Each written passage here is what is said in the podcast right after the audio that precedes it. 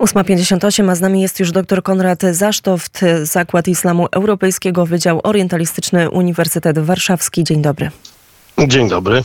Przed momentem rozmawialiśmy z doktorem Michałem Patrykiem Sadłowskim. E, mówiliśmy m.in. o tym, że fala uchodźców z Górskiego Karabachu przybyła już do Armenii, ale pan dopiero wczoraj wrócił z Azerbejdżanu. Proszę powiedzieć, jak wygląda ta sytuacja z perspektywy właśnie Azerbejdżanu, co mówią obywatele Azerbejdżanu, jak e, ta sprawa jest komentowana?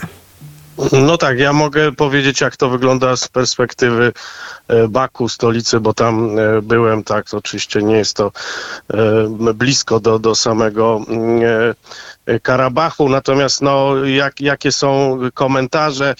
Przede wszystkim jest to inaczej, te wydarzenia komentowane są niż ta, to, co się wydarzyło dwa lata temu, czyli ta e, tak zwana druga wojna karabaska, tak, czyli to była wówczas e, no e, był to, był, była to poważna operacja wojskowa, konflikt zbrojny na dużą skalę, tak, gdzie armia Azerbejdżanu zdołała przejść przez e, e, kilka linii obrony e, nieuznawanej Republiki Górskiego Karabachu. Tam no to się skończyło sukcesem Azerbejdżanu, tak, ale okupionym no, olbrzymią liczbą ofiar, tak, po obu stronach, po, po ormiańskiej, ale także po azerbejdżańskiej. No tutaj ta, mimo tej przewagi wojskowej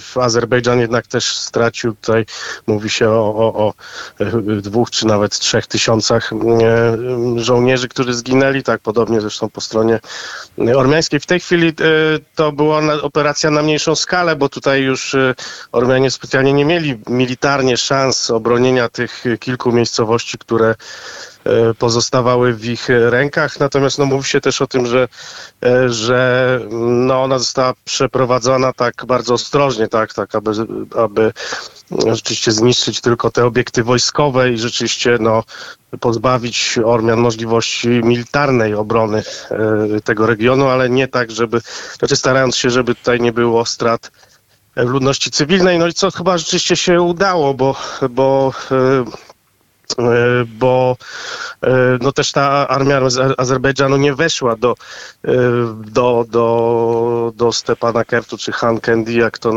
brzmi nazwa tej stolicy regionu po azersku, czyli jakby no nie było dużo, zbyt wiele kontaktów z tą ludnością cywilną, no i też nie ma tak, jeszcze bym dodał, że nie ma takiej, takiego triumfalizmu Azerbejdżanu, który był widoczny E, dwa lata temu, e, po, po tej e, wojnie w 2020 roku, to, no to była euforia, po prostu taki, taki wybuch entuzjazmu z powodu tego zwycięstwa w wojnie. W tej chwili niczego podobnego nie ma.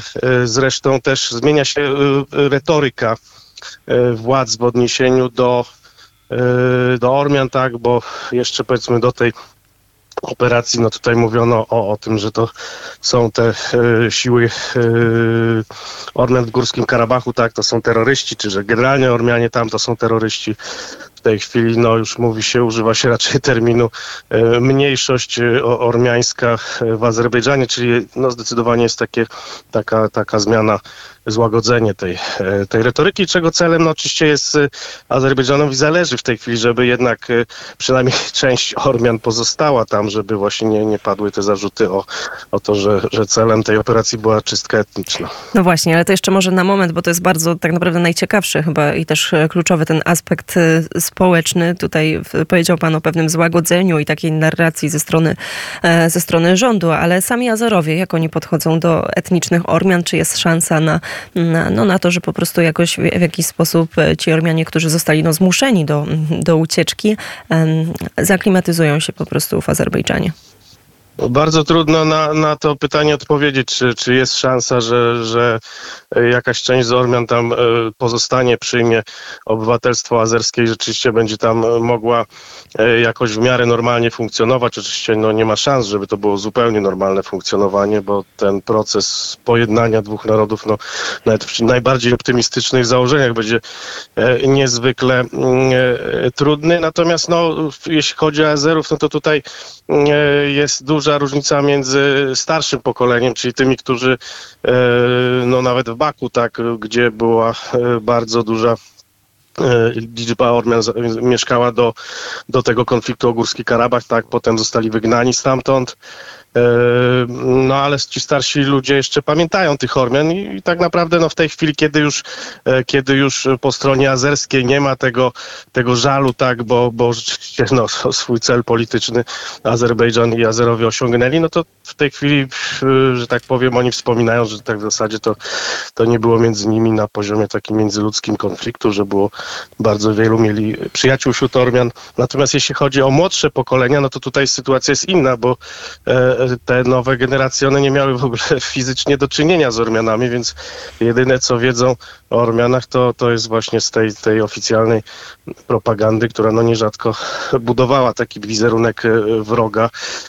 No, a osobistych kontaktów oni no, nie mieli żadnych, tak? Więc to, to dla, dla tych młodszych pokoleń to będzie znacznie trudniejsze.